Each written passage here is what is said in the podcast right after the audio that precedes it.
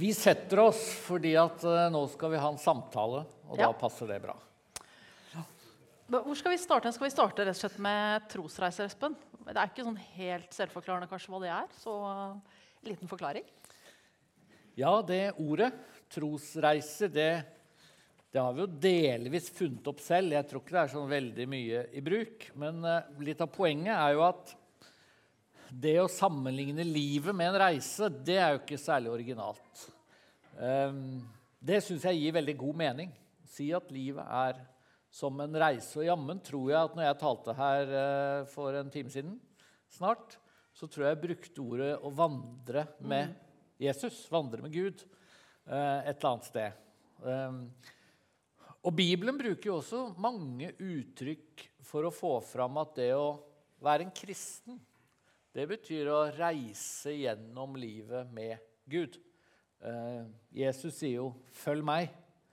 Eh, det å være en kristen betyr på en måte å vandre etter Jesus, med Jesus som ja, hyrde, kan vi kanskje kalle det, som veiviser. Så med det begrepet så vil vi jo på en måte prøve i denne boka da, også å beskrive reisen med Gud gjennom livet. Men så er det jo en ting til, og det er jo det, er jo det at noen mennesker eh, har jo en omvendelseshistorie. altså de de kan på en måte ikke si at de eh, alltid har vært kristne. Og dermed så skriver vi også en del om menneskers reise til Gud, eller menneskers reise til tro. Så sånn sett prøver vi å gjøre to ting i boka. Både fortelle en del historier om menneskers reise til tro, og skrive en del om hvordan det arter seg å reise i tro gjennom livet. Og da er det helt sikkert mange her som vet at det er ganske variert. Eh, Det kan by på motvind og motbakker og flotte utsiktspunkter og noen skikkelig eh, fantastiske øyeblikk og noen ordentlig krappe svinger. Og Derfor syns jeg at det begrepet egentlig sier noe veldig viktig da, om, om det å være kristen. Men hvis vi begynner med deg eh, og, skal si noe om, eh, om dette, så så hva svarer du hvis du får spørsmålet eh, Når ble du en kristen? Ja, det er jo et uh, viktig spørsmål. Um, og jeg tenker at uh, på en måte så har jeg vært kristen hele livet. Uh, og det er noe som jeg setter mye mer pris på som voksen. Altså De tinga som foreldrene mine lærte meg da jeg var barn. Det å be, f.eks. Det å gå på gudstjeneste. Jeg var på søndagsskolen. Det var ting som jeg bare liksom tok for gitt. Og som jeg egentlig ikke brydde meg noe særlig om i tenåra. Men som voksen så har jeg tenkt wow, for en gave det var. da, At foreldrene mine lærte meg å be og lot meg, hjalp meg til å forstå at det fantes en gud. Veldig tidlig, sånn at det var lettere å ta det som en, en selvfølge. da, på et vis. Men betyr det at liksom, trosreisen din har vært veldig sånn hva skal vi si, rett fram og jevn og enkel tur? Eller har det vært noen ganger du har eh, kanskje stått litt overfor det som også var teksten i dag? Vil jeg fortsette med dette? Ja, jeg er oppvokst med det, jeg er opplært til det. Men, men har du noen gang liksom stilt det spørsmålet? Eh, Skal jeg gi meg? Du sa i stad at vi har gjort eh, to ting med trosreiser i boka. Og det er jo fint med en bok også, at man kan gjøre både to ting om veldig mange ting. Eh, og kanskje ville det vært fint å kunne si at nei, livet har egentlig ja, det har vært sånn smooth seilas, og ingenting har vært vanskelig, og alt har vært greit. Men sånn er det jo ikke. Eh, selvfølgelig. Eh, og når det gjelder selve trosreisen, så tror jeg i hvert fall for meg at eh, begynnelsen av 20-åra det var litt sånn ekstra utfordrende. For da hadde jeg flytta hjemmefra, ut av det liksom miljøet som jeg var vant til, og skulle finne ut om ja, er det med tro egentlig noe for meg. Og da var det nok ikke sånn at jeg følte at jeg var ikke sånn at jeg følte at Gud ikke fantes, men jeg var bare ikke så veldig interessert. Det var masse andre ting som engasjerte oppmerksomheten min. og ja, Så da vil jeg kanskje si at Gud var der hele tida, men jeg flytta meg litt lenger eh, unna. Hva var det som likevel gjorde at du på en måte fortsatte vandringen med Gud? Altså, det er i hvert fall én ting som har blitt tydelig for meg i etterkant. Og det er litt fint når vi sitter her i en forsamlingssal også. Um, og det var det å bli invitert med. Fordi Som ung student så var det en venninne av meg som stadig drev og inviterte meg med på gudstjenester i Storsalen i Oslo. Og så ble jeg med fordi hun var en sånn god venninne. Og etter hvert så tok det ikke så veldig lang tid heller, så ble det viktig for meg. Så den invitasjonen, den der 'vil du være med', den uh, har vært en del av min, min trosreise, rett og slett. Men hva med deg? Er det liksom ett omvendelsesøyeblikk, eller hvor er du enn i trosreiseløypa når det gjelder de tingene? Altså, dette er jo egentlig litt pinlig eh, på, på, et vis. fordi at når vi to har skrevet en bok som heter 'Trosreiser', en bok som handler egentlig om ganske mange sterke omvendelsesfortellinger, det finnes jo i boka, så, så, har vi jo ganske kjedelige historier da, selv.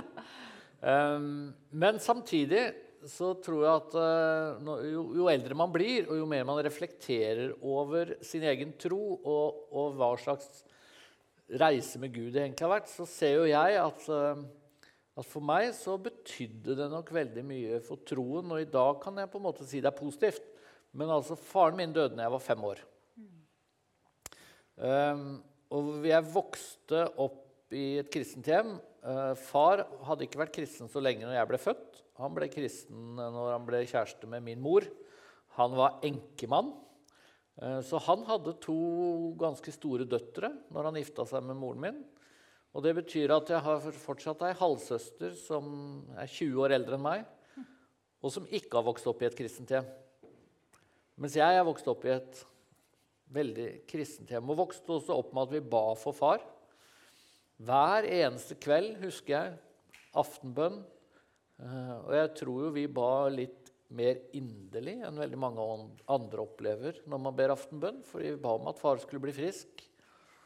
Um, og jeg har tenkt veldig mye på det etterpå. At um, jeg tror mor var veldig flink til å ikke skape en sånn veldig forventning om at siden vi tror på Gud, og siden Gud er allmektig, så kommer han til å bli frisk.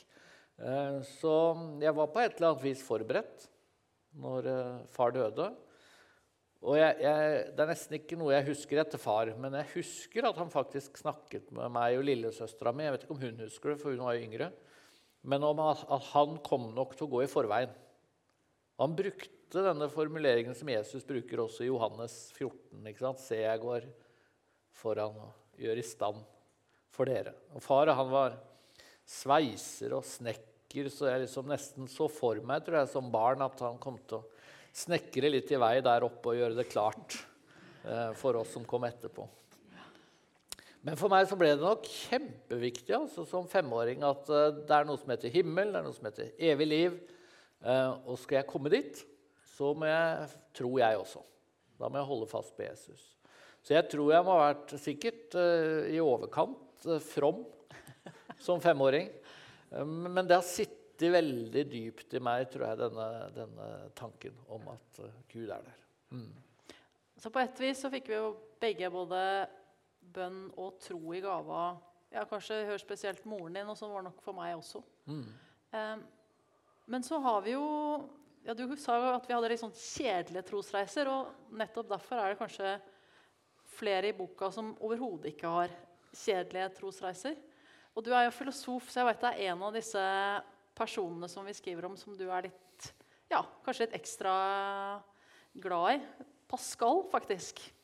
Så gi oss et lite glimt av hans trosreise, som er ganske forskjellig fra vår. Ja, og jeg, jeg, tror jo kanskje at det er en av grunnene til at vi når vi jobba med denne boka, jakta på de mm. fortellingene. For, for, det er jo veldig sterkt å høre menneskers uh, fortellinger om måte, veien til tro. Hva var det som gjorde Eh, at de fikk et møte med Gud. Og så tror jeg Det fins en del. Kona mi for eksempel, har ikke vokst opp i et kristent hjem, men har likevel ikke en sånn sinnssykt spennende historie om hvordan hun ble en kristen.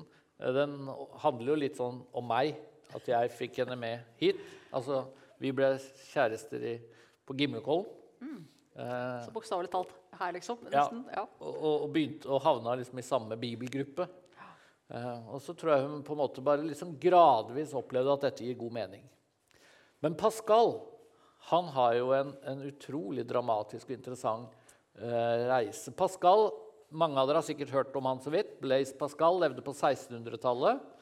Um, vokste nok opp med tro, og en uh, mista moren sin ung.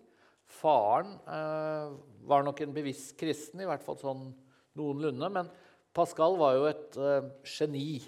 Altså Faren oppdaga nesten litt sånn tilfeldig at når gutten var elleve år, tror jeg, så hadde han løst flere matematiske mysterier som den første. Um, og han ble også ja, han var filosof, men kanskje aller mest kjent som matematiker. Og noe av det han fant ut på 1600-tallet, på en måte gjelder fortsatt i dag som kunnskap. Han fant vel opp den første kalkulatoren òg? Altså verdens første kalkulator? Jo, ja. og han prøvde å masseprodusere, faktisk. Jeg tror han lager 50 kalkulatorer. Eh, litt sånn eh, og det tror jeg var ganske sånn omfattende øh, si, gjenstand. Ja. Men eh, når faren døde, og han ble i 20-åra Så kanskje han har litt din historie. Så ble Gud og tro veldig litt viktig. Det var piker, vin og sang. Akkurat der tror jeg våre historier skiller lag. Beroligende. Men for Pascal på 1600-tallet så var det ja, Det var nok ikke bare piker, vin og sang. Det var også veldig mye sånn ja, matematikk, og han bevegde seg virkelig i de øverste sirklene i Paris. Uh, og, og nøyt nok også det å være høyt respektert osv. osv. Men så skjedde en dag i november 1654. Hadde du ikke en helt eksakt dato? Jo, skal vi se. Jeg har den her. Jo, eh, 23. november. Mm. Da opplevde han eh, å se et menneske som døde i en ulykke. Mm. Og, og han, han, ble virkelig sånn eh, rammet av det. Så på kvelden så gikk han hjem og leste i Bibelen. Og så opplevde han eh, en voldsom, dramatisk historie. En slags ekstatisk opplevelse i timevis. Gud kom på en måte veldig nær. Og det rare er at det tror jeg ikke han fortalte til så mange. Så grunnen til at vi kan vite at det skjedde i dag, det er fordi han skrev ned det som skjedde, på en lapp. Rett og slett prøvde å skildre møtet med Gud. Og fortelle hvilken tekst han leste. Det var også Johannes evangeliet. Um, og han ble på en måte så berørt av Gud. Han skriver om ild og kjærlighet opplever på en måte Gud som rensende og som god. Uh, og det endrer hele livet. Og det endrer livet så mye da, at denne lappen han skriver ned, den syr han inn i jakkeforet sitt. Og når han da blir funnet død, 39 år gammel, da finner man for første gang den lappen. Og Det betyr altså at den opplevelsen, det møtet med Gud 23.11.1654, det var så viktig for han at hver gang han skifta frakk, så tok han på en måte ut dette notatet uh, og, og, fikk på en måte sydd det inn i neste frakk, som liksom alltid skulle ha det. Og som forfatter så liker jeg veldig sånne detaljer. For det er jo noe utrolig fascinerende ved at han skrev det ned, og så bar det kanskje tett på hjertet da, mm. hver dag for å liksom minne seg selv på dette ja, rett og slett møtet med Gud. Så. Ja, og det er, det er noe sånn jeg syns også den historien minner oss litt om at, at selv om vi kan ha opplevd én sånn enkeltstående historie Det kan jo hende noen har det her. At, at, det var en dag du tenkte at nå kommer jeg aldri til å tvile på Gud. For tenk, jeg fikk oppleve det eller det. Og Antagelig var det det Pascal tenkte, at aldri kommer jeg til å tvile. Men likevel så hadde han kanskje behov likevel noen ganger for å ta fram denne lappen og på en måte lese det han hadde opplevd for fem år siden eller ti år siden, for å på en måte minne seg selv om dette. Og så tror jeg det er med denne trosreisen vi legger ut på, at også de som har gjort, hatt veldig sånn dramatiske opplevelser, har på en måte et behov for å gripe tilbake da, til, til, dette. Og det står jo i Det gamle testamentet flere ganger 'Glem ikke Herrens velgjerninger'. Og det er jo en slags påminnelse om at det er lett å glemme. Da. Det er lett for at, at liksom entusiasmen og begeistringen vi kan oppleve, liksom taper seg litt. Jeg holdt på å si, Det har jo du nesten opplevd, men på en helt annen måte. Men jeg har aldri opplevd deg mer begeistra som kristen. Nå har ikke jeg kjent deg sånn veldig mange år, da, men du var i Kambodsja Ja, i februar eller noe sånt. ja, det stemmer. Og jeg holdt på å si, da var du mer begeistra enn du er nå. Nei da, men Men kan ikke du si litt om akkurat det? Jo, det vil jeg gjerne. Jeg tenker at Egentlig så skulle jeg som Pascal hatt et litt sånn notat, så jeg liksom husket på dette hver dag. For jeg var i Kambodsja eh, sammen med eh, generalsekretæren i Nordmisjon, Kjetil Westel Haga, og flere andre fra Nordmisjon. Og vi skulle se på prosjekter der borte, og så skulle vi være med på en evangeliseringsaksjon som spesielt IMI-kirka har eh, jobba mye med. Så det betydde at vi var på husbesøk eh, hjemme hos folk sammen på landsbygda sammen med kambodsjanske kristne. Eh, og jeg hadde ikke noen spesielle forventninger egentlig utover at det blir spennende å se prosjektene og sånn når jeg reiste dit. Eh, og så oppdaga jeg egentlig at vi fikk lov til å være med på en sånn ja, hva skal vi si, ja? litt sånn apostlenes gjerninger anno 2023. Eh, det første huset som vi besøkte, så fortalte de kambodsjanske kristne litt om Jesus. Og så spurte de de som bodde der, har du lyst til å bli en kristen. Og så sa hun kona i huset der, ja, det har jeg lyst til. Og jeg trodde tolken, jeg liksom begynte å smile. Jeg trodde tolken oversatte feil. liksom, Hva det sa hun sa, liksom? Eh, og tolken Ja, nei, hun vil bli en kristen. Eh, så da ble hun bedt for og ble invitert på teltmøte samme kveld. Og da satt jeg der som, som norsk da, og liksom bare, ja, men vent litt nå, hun har jo knapt hørt om Jesus, så burde hun ikke ha flere spørsmål og alt det der. Og så opplevde jeg i løpet av de dagene at eh, folk eh, møtte Jesus.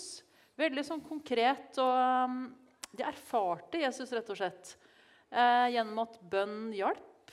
Enten ved at det, det, brakte en forandring som de kunne fortelle om der og da. Men også gjennom at flere ble helbreda. Det var veldig fascinerende å møte mennesker som ja, hadde hatt En som hadde hatt vondt i kne, som løp fram og tilbake eh, fordi kneet hans var blitt helbreda. Og det var en kvinne på scenen på kvelden som eh, var, hadde vært døv og dermed store talevansker, som sto og ble ja, fortalte om den forandringa som hadde kommet i hennes liv. Og den stemmen hennes, som var så lite vant til å snakke, eh, den kommer jeg ikke til å glemme, rett og slett. Men så var det andre ting òg, da. Eh, det var jo ikke sånn at alt var bare voff, alle ble helbreda. Så jeg har med andre indre bilder også. Kanskje spesielt en gutt i rullestol som var kommet på teltmøte om kvelden med moren sin. Det var mange som ba for han, og det skjedde ingenting. I hvert fall ikke der og da. Han eh, tror jeg helst ville hjem. Og det var egentlig ganske vanskelig å se på dette unge mennesket som, som satt i rullestol, men så mange andre rundt liksom strålte av at de hadde fått en forandring. Og her, med dette mennesket så ja, skjedde det ikke noe som, som vi så. Men sånn hovedinntrykket jeg tok meg hjem, det var liksom bare wow, dette må jeg fortelle om. Så jeg liksom tekstet folk hjemme og tenkte at nå må jeg holde meg selv liksom accountable. Nå må jeg virkelig fortelle om dette. Fordi Gud fins, og Gud eh, handler på disse veldig sterke, erfaringsbaserte måtene. Mm. Um, og så har det gått noen måneder, og så glemmer jeg det rett som det er. Så det er veldig fint da, å få lov å snakke til dere om det igjen. Og rett og slett eh, kjenne litt på det notatet som jeg egentlig kunne hatt på innsida av, uh, av, jakka. Mm. Og noe av det jeg syns er fascinerende med det du forteller, og også det som Pascal forteller, er jo at når altså på en måte Veien til tro, eller grunn, grunner vi kan ha for å tro på Gud, det, det liksom handler om mer. Og det kan handle om andre ting enn på en måte det rent sånn argumentative.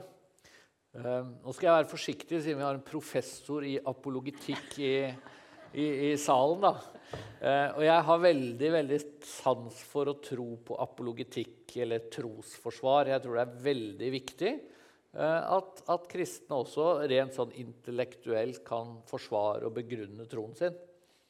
Men jeg tror også at tro er noe mer, og at vi skal på en måte ikke skamme oss, hadde jeg nær sagt, over at at uh, grunnene for å tro kan handle om andre ting.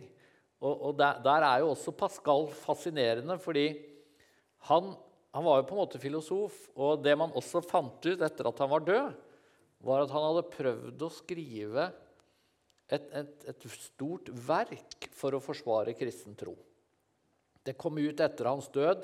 Det heter 'penses', eller hvordan man nå sier det på fransk. 'Tanker'. Den er oversatt på norsk. Og Der tror jeg det var 800 små notater de fant. Eh, noen veldig små, bare to-tre setninger, og andre litt større. Eh, og han hadde på en måte tenkt å, å lage et slags sånn storverk for å forsvare kristen tro. Men i det verket han skrev, så er han veldig opptatt av at måte, tro er noe annet enn det rent sånn filosofiske. Eh, og han har jo dette veldig kjente uttrykket 'hjertet har sine grunner som fornuften ikke kjenner'. Og Når man har hørt den fortellingen om hva som skjedde, skjedde 23.11.1654, så gir det så mening. Altså, Det møtet han fikk med Gud den kvelden, det på en måte traff han så i hjertet at selv om han ikke kanskje nødvendigvis klarer å filosofere seg fram til på en måte eh, alle sider ved, ved, ved den opplevelsen, så, så, har hjertet sine grunner. Eh, og det syns jeg er viktig. Og vi har jo um, valgt å hente fram 12, tror jeg, eller kanskje 13 forskjellige sånn erfaringsfortellinger i denne boka med ulike menneskers ulike møter eh, med Gud. Og det var også det jeg så i Kambodsja, hvordan erfaringen på en måte var en veldig sånn, sterk talsmann for uh, Gud. Men du er jo filosof. Altså, hva, hva, du er i tillegg til å være teolog. Hva tenker du? Altså, trenger kristne å ha liksom, spesielt gode argumenter for å, for å tro? Hvor hører uh, hodet hen, hjemme hen i dette? Ja, Der tror jeg vi også er forskjellige. Altså, selv så trenger jeg det. Mm. Um, selv så har jeg på en måte kjempet med tvil, kunne kjenne på tvil. Uh, og kanskje særlig som tenåring og etter hvert som student. Uh, når det kommer innvendinger til, til troen, uh, når du møter mennesker som bare kaster ut at ja, men du tror vel på Gud fordi du er vokst opp med det, men har, har du virkelig ikke noen god grunn? Eh, så har jeg hatt behov for det. Og, kanskje var det en av grunnene til at jeg begynte å studere filosofi når jeg ble godt voksen. Eh, at jeg liksom tenkte at ja, men nå skal jeg våge meg liksom litt ut av denne kristne bobla hvor jeg har levd hele livet, og prøve å finne ut uh, hvordan skal jeg forholde meg til uh, alle innvendinger og, og, helt andre typer filosofier. Men samtidig så, så tror jeg ikke at uh, at man må ha et slags filosofisk bevis eller et filosofisk argument for at det skal gi god mening å tro på Gud. Og, og, og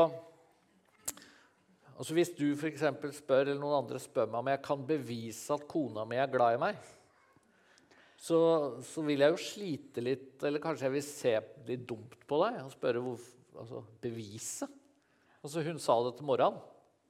Uh, skal jeg liksom ha med lydopptaker og ta det opp og så spille det av for deg? ikke sant? Og ville det vært et bevis? Det kan jo hende hun ikke mente det. Så dette med liksom, hva er et bevis, hva er et argument, og hva er en erfaring? Altså hvis, hvis kona mi faktisk hviska inn i øret mitt, så ingen andre enn jeg hørte det, men hun hviska en kjærlighetserklæring på sengekanten, da er jeg ganske dum hvis jeg går rundt og tviler på det. Uh, og, det, og, og, det, er jo det noen har opplevd med Gud. Mm. De har opplevd et slags håndtrykk fra himmelen. Det kan ha vært en helbredelse, det kan ha vært en helt spesiell fred. Det kan ha vært som med Pascal. Du leste Johannesevangeliet, og du liksom bare kjente at dette er sant. Det tror jeg på en måte er godt nok da, i en del situasjoner. Og at det kanskje er en fare for vestlige kristne at vi, at vi alltid tenker at det, det skal være liksom mer intellektuelt enn som så. Men hva med deg? Altså på en måte intellektuell tvil? Eh, relativt lite, egentlig. Ja. Eh, jeg tror at um, jeg har Jeg kanskje strevde litt med de store spørsmåla eh, som ung voksen. Men jeg tror egentlig jeg har strevd mer med et Ja, ikke tvil, men kanskje fortvilelse. Altså det derre Hvor er Gud hen? Hvorfor svarer ikke Gud på akkurat dette? Hvorfor ble det akkurat sånn?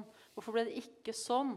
Altså Den type spørsmål har nok vært mer, og er til tider mer krevende for meg enn den spørsmålet om fins Gud, fins Gud mm. ikke. Og vi graver jo litt i boka i en synes jeg, av de sterkeste historiene som fins, om akkurat det der Hvorfor Gud? Eh, For vi skriver om Joni. Joni Eriksen Tada. Og jeg, jeg syns det er litt spesielt å snakke om det akkurat her. Fordi for 33 år siden cirka, så var Joni i Norge. Oi. Og hun var her i Kristiansand. Jeg gikk på Gimlekollen, eh, og hun skulle bo der. Og hun kom jo selvfølgelig i rullestol og måtte da bo på handikaprom. Eh, og Synnøve, som var en av de som hadde fått handikaprom på Gimmekollen for 33 år siden, måtte flytte ut, for der skulle selveste Joni eh, flytte inn. Og jeg hadde ikke noe forhold til Joni da. Jeg var 20 år. Hadde ikke på en måte hørt hennes historie, men skjønte at her kommer det ei kristen dame som sitter i rullestol. Eh, og så, når vi jobba med denne boka, det var første gang jeg virkelig begynte å lese Joni. Og leste hennes historie. Første boka hun skrev i 20-åra for første gang. Og den var utrolig sterk for hun. Hennes historie er jo at hun var ei litt sånn typisk kristen amerikansk jente.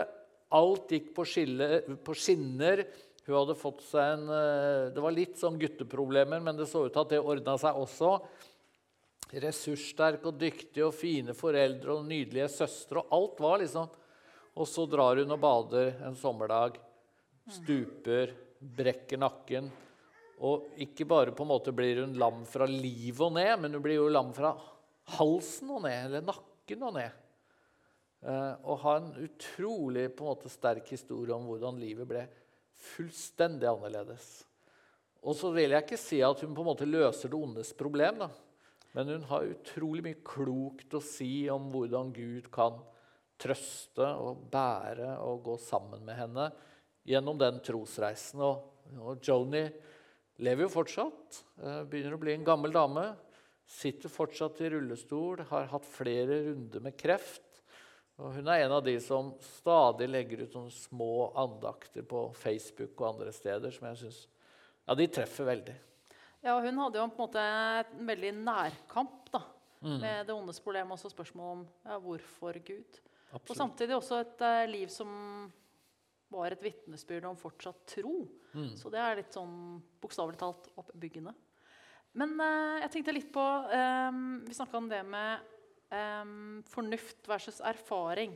Og Pascal han hadde en veldig sånn konkret erfaring av Gud litt sånn direkte. Men uh, Wilberforce, for eksempel, som er en annen kjent person vi skriver om, han hadde en erfaring av Gud gjennom et annet menneske. Kanskje vi skulle høre en, litt av den historien nå? Ja, og det En av grunnene til at vi forteller mange historier, det er jo også for å få fram at alle historier er litt sånn enestående.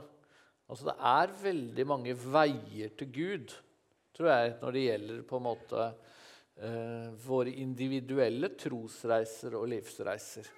Og det kan jo være litt skummelt, tror jeg, med en del menighetsarbeid og kirker og sånn, at man på en måte lager en slags modell. Det er sånn det skal oppleves å tro, og det er sånn det skal oppleves å bli en kristen. Eh, Men eh, vi skriver om Wilberforce, eh, også fordi at hans historie er en sånn veldig sterk fortelling om hvor annerledes livet ble, helt konkret, når han ble en kristen. Og det også er på en måte verdt å tenke over. da. Hva blir annerledes i mitt liv av troen? Men for å ta Wilberforce først. Noen av dere kjenner sikkert hans historie. Men han var altså en eh, britisk eh, overklassebarn, ungdom. Men han mista faren sin i ung alder, så han ble oppdratt hos en onkel og tante. Og de var metodister, fromme kristne metodister, og tok med han til eh, kirke og menighetsliv. Og han ble også da en from, engasjert eh, kristen guttunge. Og han ble så from at Ble litt for from, faktisk. ja, fordi eh, moren, og særlig besteforeldrene, mente at dette, går, dette blir for mye av det gode. Så de tok han ut av den skolen, fikk han på en uh, internatskole, eh, og de lyktes. Altså Troen visna bare bort.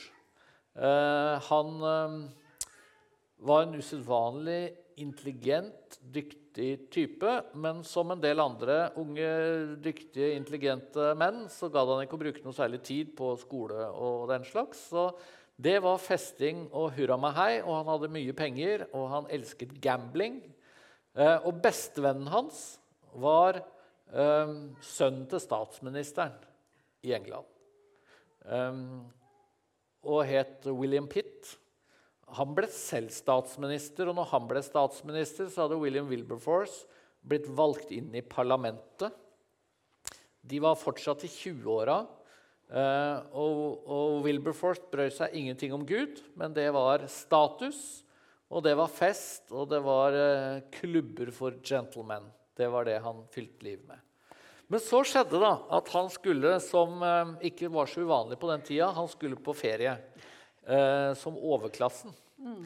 Og da skulle han til Middelhavet. Det tok jo litt grann tid. Det tok litt tid mm. å dra til Middelhavet fra England på 1800-tallet. Det var hest og vogn. Mm. Eh, og, så, og han tenkte Eh, jeg må ha med en eller annen på denne turen som ikke kjeder meg. Og så hadde han fått på en måte hørt om en mann som han kjente litt, og som han syntes var veldig interessant. En professor i matematikk, tror jeg.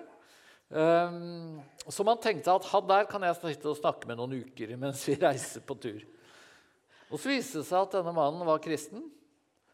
Hyperintelligent og skarp og brennende kristen. Og på den turen fra England til Middelhavet så blir Wilberforce kristen. Ikke som Pascal ved en sånn enkeltstående, sterk opplevelse, men han på en måte skjønner at eh, det er rett og slett kristendom som gir best mening. Fortellingen om Jesus, Bibelens fortelling, den, den traff han. Og der så spør han seg selv da skal jeg gå ut av politikken. Eh, og har samtaler med mange om ja, hva skal jeg gjøre nå, for nå er jeg jo kristen. Jeg kan ikke bare være opptatt av makt for maktens skyld eh, og fest og moro. Men så får han et sånn helt spesifikt kall til å bekjempe slavehandelen. Og det springer liksom ut av den kristne omvendelsen. Altså, hvis Gud har skapt alle mennesker i Guds bilde, da kan vi ikke handle med svarte slaver på den måten vi driver med.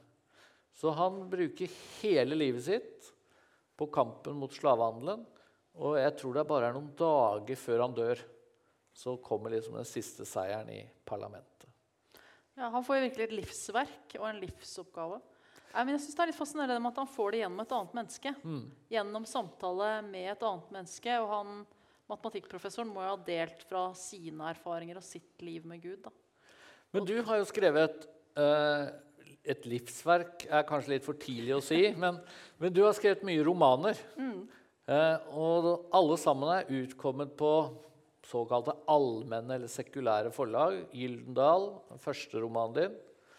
Um, hvordan har du opplevd det å på en måte være kristen um, som romanforfatter?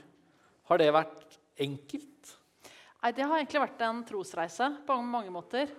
Eh, for da jeg skrev den første boken min, så ønska jeg å ha med Jeg husker spesielt jeg skrev en scene hvor det er en familie eller noen mennesker i boka som ber en bønn sammen.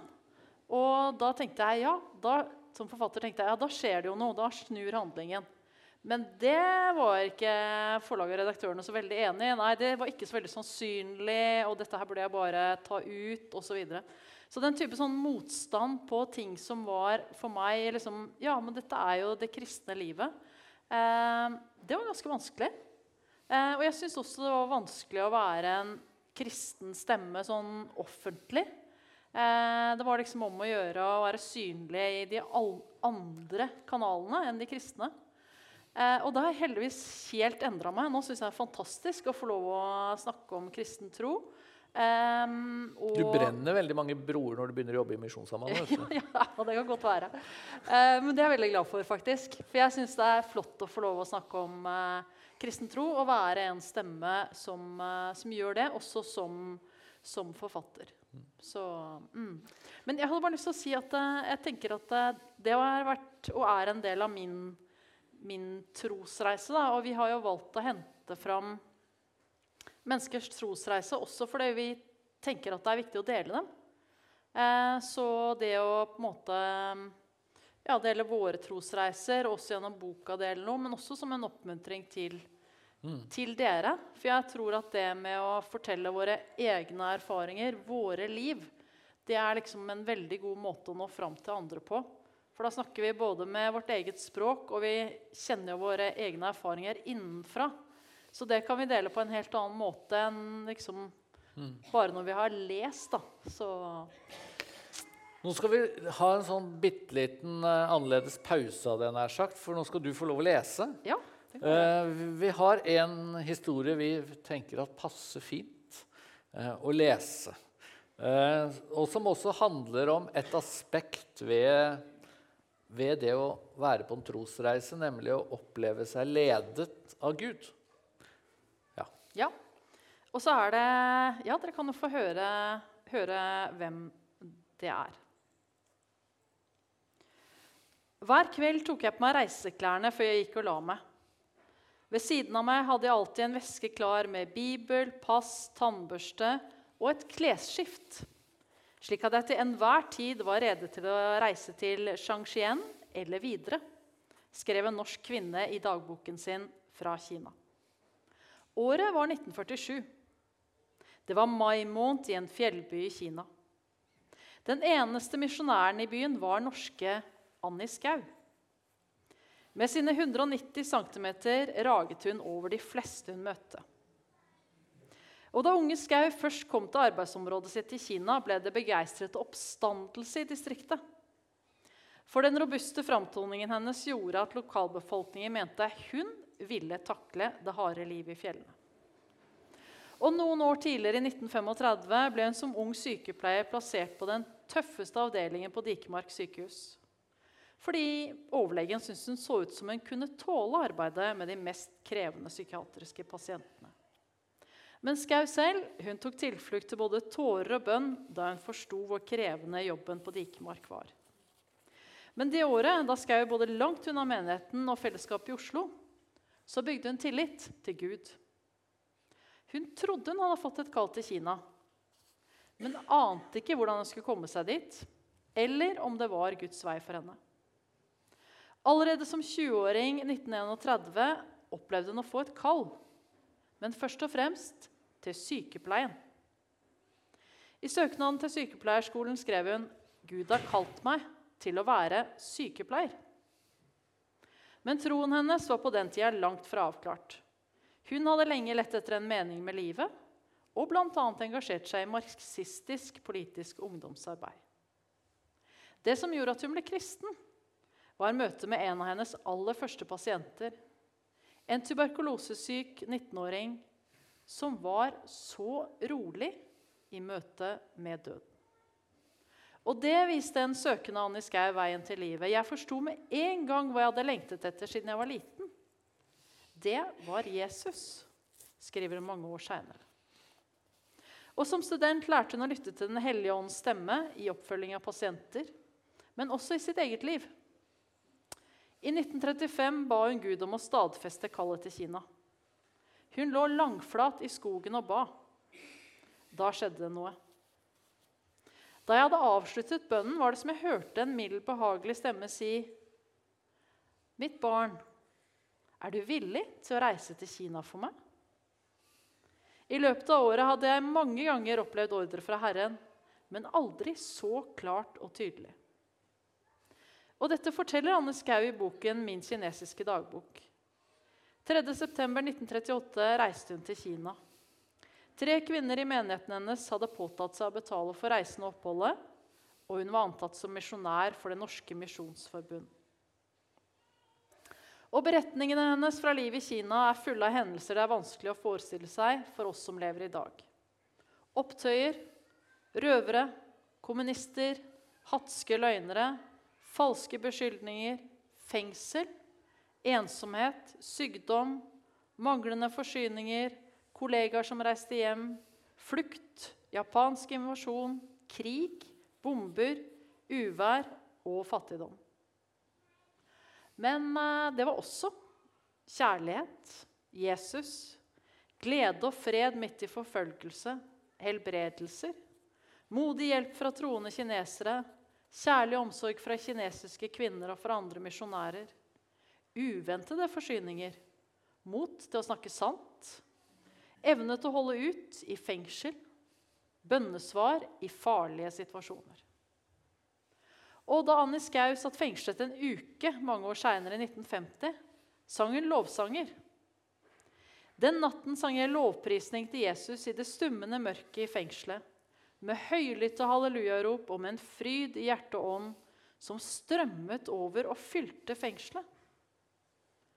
Og ryktet om kvinnen som sang på cellen, gjorde at folk oppsøkte henne for å høre om hennes kristne tro da hun ble satt fri.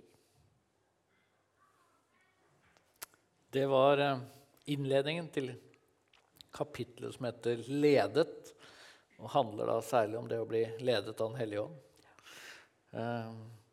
Hva gjør mest inntrykk på deg når du leser fortellingen om Annie Skau, som senere het Annie Skau Berntsen? Ja. Jeg er jo veldig glad i å um, Jeg er jo veldig glad i det, det holdt jeg på å si, inspirasjonen som de gamle misjonærene egentlig ga og gir oss. Det med hva de sto i, og hva de klarte. Og når vi ser sporene av livet deres i dag, hva de faktisk fikk til. Så mm. inspirasjon er kanskje det viktigste jeg tar med meg. Hva med deg? Noe av det jeg syns er fascinerende med denne historien, og, og, flere andre litt sånn tilsvarende historier, ja, kanskje særlig med gamle misjonærer, det er jo at de viser fram en sånn veldig avhengighet av Gud. Altså Her er det veldig mye bønn, her er det veldig mye søken til Gud. Og det er jo kanskje en påminnelse også om at i det trygge Norge, i en velferdsstat med gode forsikringsordninger og alt det der, så, så er det jo veldig enkelt for moderne kristne å, å på en måte leve som om Gud ikke fins i hverdagen. Og Av og til så spør jeg meg, også etter å ha lest en sånn fortelling når, når, kristne snakker om at de skulle så gjerne opplevd Gud mer, kjent Gud mer, hørt hans stemme tydeligere, så av og til så tenker jeg men er det fordi jeg egentlig ikke er innstilt på Guds frekvens? Fordi jeg gjør jo kanskje ikke det Annie Skau gjorde. da. Ba og søkte. og Når hun altså havna i fengsel, så, og, så synger hun lovsang hele natten. Um, og det er jo noe av det vi også eh, skriver en del om i boka. Dette med at um, det å være en kristen, det handler jo ikke bare om dette som skjer i hodet. Det fins også vaner. Uh, ja, du bruker alltid uttrykket 'trospraksiser'. Det er litt ukjent for meg som begrep, men, men du gjør det. Mm. Jeg syns det er et fint ord, og med det ordet så tenker jeg egentlig på vaner. Altså hvilke daglige vaner er det vi har da, mm. eh, med oss. Så, og bønn er en veldig viktig trospraksis for meg. Og jeg tror det er kjempeviktig. Og Om man bruker uttrykket trospraksiser eller, eller, formulerer det på annet vis Men altså, det å faktisk søke Gud i bønn, bibellesning, gudstjeneste, fellesskap, lovsanger altså Det å på en måte prøve å stille seg inn på Guds frekvens, mm. det tror jeg virkelig er viktig. Vi skal rekke eh, å være ferdig eh, til klokka halv to. Og det vi gjør nå fordi at uh, vi har veldig lyst til at ikke dette bare blir vi som snakker, og dere får ikke anledning. Så nå kommer det opp på skjermen tre spørsmål som kan kanskje fungere som en liten inspirasjon til å snakke. Ja, eller kanskje var det bare ett spørsmål vi landa på, for hadde, det blir ikke så mange minuttene. Men siden, nå har vi på en måte fortalt noen troshistorier. Nå kan dere gjøre det på en måte i benkeradene, bare sånn fem-seks minutter. Men er det noen troshistorier du har hørt, du har opplevd, du har møtt, som har gjort særlig inntrykk på deg, så del den gjerne med sidemannen. Eh, eller, eller noe du selv har opplevd i ditt liv. Nå gir vi muligheten til det. Og så som sagt, bare fem-seks minutter, og så bruker vi de aller siste minuttene også sånn i fellesskap. Hvis det er noen som har lyst til å enten spørre om noe, eller kommentere noe eller dele noe, så er den muligheten der. Så nå er det litt sånn skravle summetid, så da er det egentlig bare å ja, Sette i gang. Ja, Ja. rett og slett.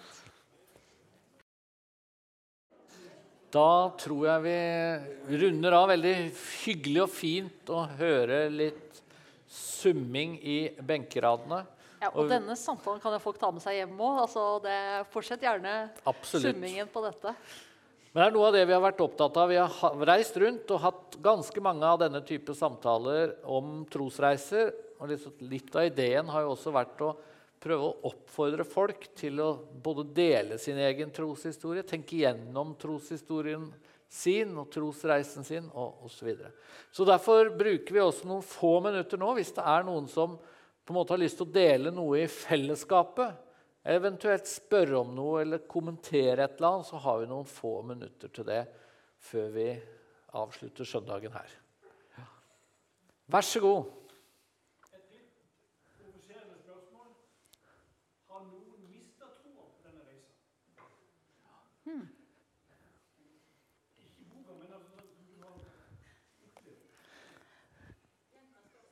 Har noen mista troa på denne reisa?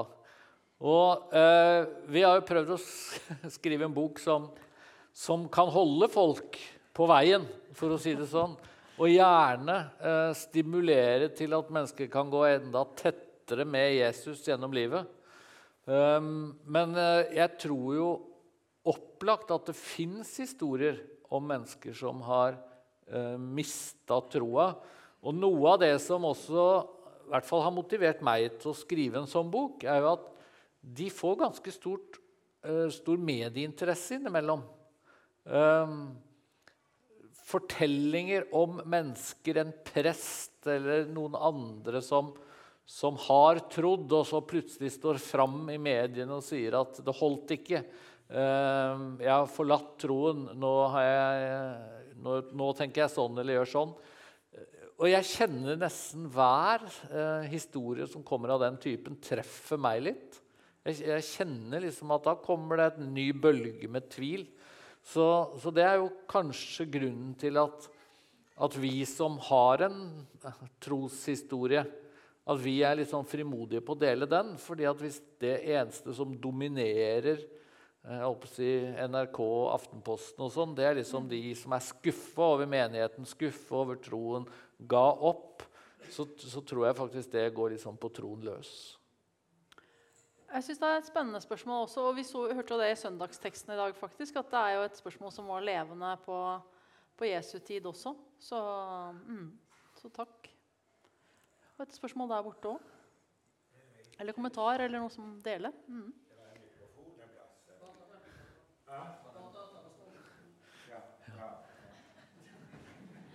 Det var, eh, Da er det min tidligere rektor. Vær så god. Ehm, ja, jeg, jeg skal ikke stille spørsmål. Jeg skal dele en liten toårig troshistorie. Eh, vi har, eh, som de fleste av dere vet, mista et barnebarn for et par måneder siden. Det har gitt oss ei toårig trosreise som eh, er veldig spesiell. Så tenker jeg at eh, på, på tross av at vi ikke fikk det bønnesvaret som vi ba så intenst om, både vi og storfamilie og venner, at Philip skulle bli frisk igjen. Så fikk vi til de grader allikevel så mye bønnesvar.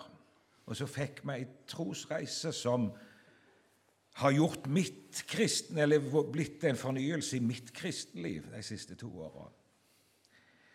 Jeg syns det var sterkt å høre deg, Espen, når du sier at eh, eh, du mista far din når du var, var du fem år. du var. Og så bestemte du deg for at du ville møte far igjen. Og da måtte du gå den veien som far hadde valgt å gå. Litt det tror jeg vi har opplevd de siste par åra. Eh, vi har fått følge Philip og hans trygge tru helt til siste dag. Og så har vi bestemt oss for at vi vil møte Philip igjen. Og er, Da er det å gå den veien som vi vet Philip valgte å gå. Og så er det så sterkt å oppleve, selv nå i helga, at søsknene hans på overnatting, der nestemann i søskenflokken uttrykker noe av det samme. At han vil følge Jesus, sånn som Philip gjorde. Så Det syns jeg var sterkt å høre. Kanskje det var det viktigste for deg, Espen. Du har opplevd så mye seinere i livet, men du fikk en start der som bandt deg til Jesus, og som jeg òg tenker at det har blitt en sånn fornyelse for oss, og som jeg håper binder meg til Jesus resten av min livsreise, slik at jeg kan møte Philip igjen. Ja, det ble et sånn litt personlig vitnesbyrd inn i et flott emne.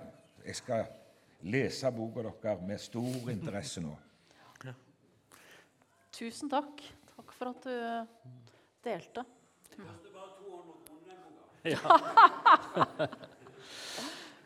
Tusen takk, Geir. Det var eh, sterkt å høre. Og jeg lurer på om jeg syns at det også var veldig sånn fin historie å runde av med. Så jeg tror vi setter strek der. Eh, Takk skal, takk skal dere ha.